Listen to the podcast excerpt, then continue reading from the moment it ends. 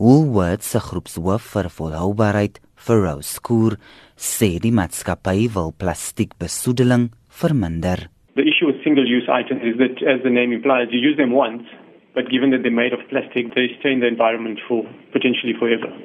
And uh, the way items are disposed of nowadays, they tend to find themselves their, their way into our waterways, into the environment, and where they break down, harmful to wildlife, uh, cause pollution and that kind of thing. And so we, we're trying to cut down on that. Hy sê plastiek strooitjies word reeds nie by sekere winkels verkoop nie. We've started with cutlery and straws already in our Now Now stores, which is our new convenience format stores. We've also started coffee cup recycling in that space. We'll be moving to doing the same in our Woolies cafes from July. So from July, there'll be no plastic cutlery or, or straws available in our cafes.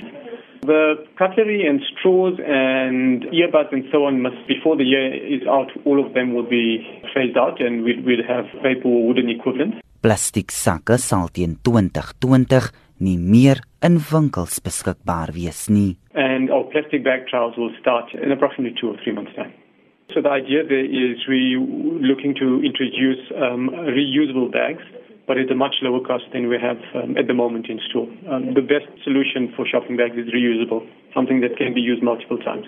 Sê dis belangrik dat die verbruiker ingelig word oor plastiekbesoedeling a big thing that we need to do here is to take customers on a journey with us and to encourage behavior change. The general population need to change how they view plastic and how they use it and um, how they dispose of it to be a bit more responsible in that way. Dit was al wat se groepshoof vir volhoubaarheid vir Roskoor.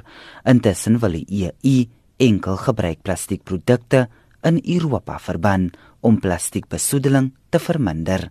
Jean Estreisen, SAICanis.